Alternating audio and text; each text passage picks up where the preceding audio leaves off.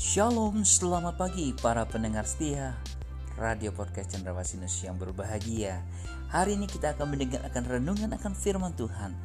Biarlah firman Tuhan yang hidup itu akan menjadi berkat ketika Anda mendengarnya Dan rema dalam kehidupan Anda. Selamat mendengarkan firmannya. Tuhan Yesus memberkati Anda.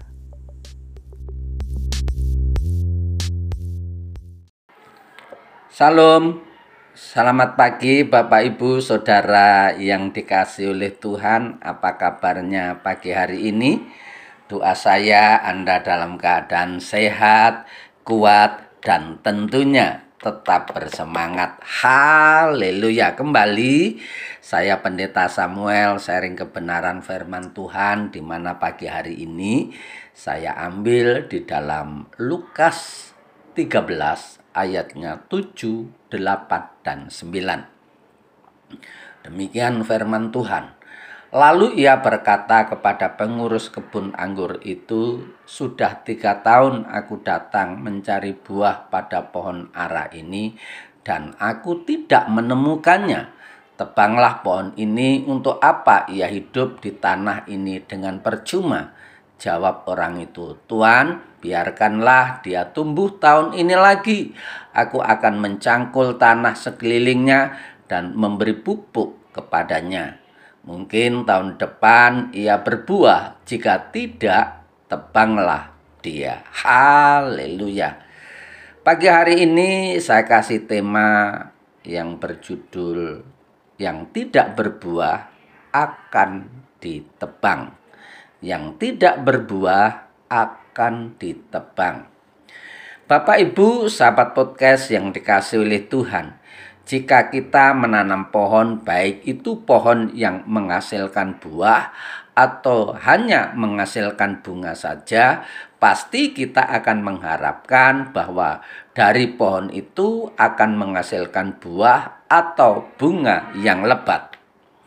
Kita semua orang-orang percaya adalah pohon-pohon kehidupan yang ditanam oleh Tuhan di kebun yang bernama dunia ini, di mana kita diharapkan akan memberi buah-buah pertobatan yang lebat.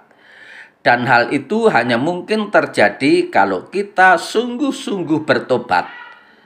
Ada beberapa hal kebenaran yang ingin saya sampaikan yang di mana perlu kita perhatikan dalam kehidupan pertobatan kita agar hidup kita itu benar-benar menghasilkan buah-buah pertobatan. Yang pertama, pertobatan adalah dasar dari kehidupan yang berbuah.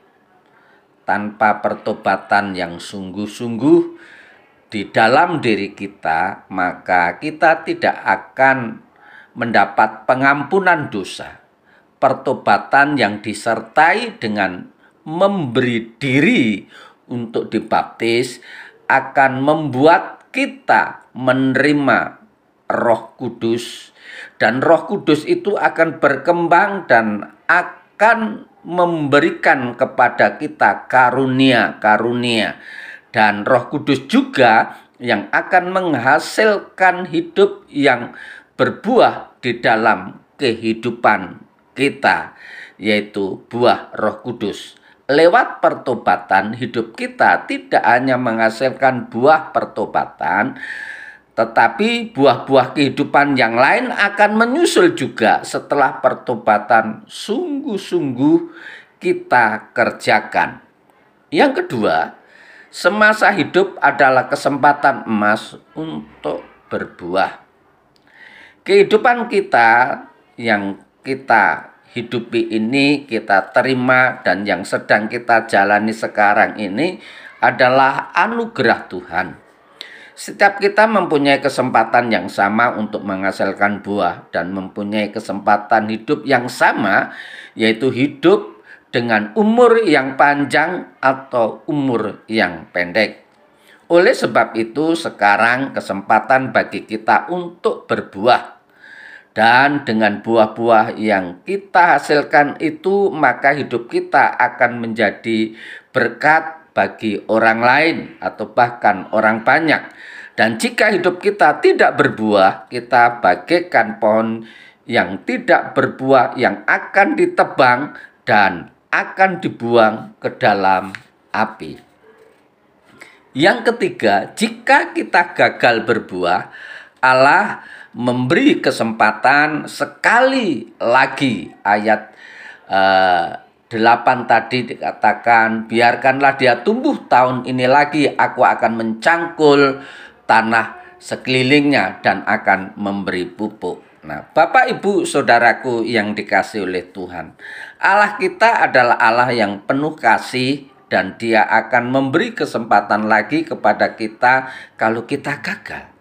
Supaya kita dapat menghasilkan buah dan hal itu akan terjadi jika kita menyerahkan hidup kita sepenuhnya kepada Tuhan. Oleh karena itu, Bapak, Ibu, saudara yang dikasih oleh Tuhan, hidup kekristenan adalah hidup yang memiliki tanggung jawab. Dan tanggung jawab kita adalah menghasilkan buah-buah pertobatan. Tanpa buah-buah pertobatan, kita akan menjadi seperti pohon yang tidak berguna dan harus ditebang. Oleh karena itu, mari kita memberi diri untuk dipimpin oleh Roh Kudus, dan Roh Kudus membawa kita tetap ada di jalannya Tuhan, sehingga kita menghasilkan buah-buah pertobatan itu. Tuhan Yesus memberkati. Selamat beraktivitas, tetap semangat.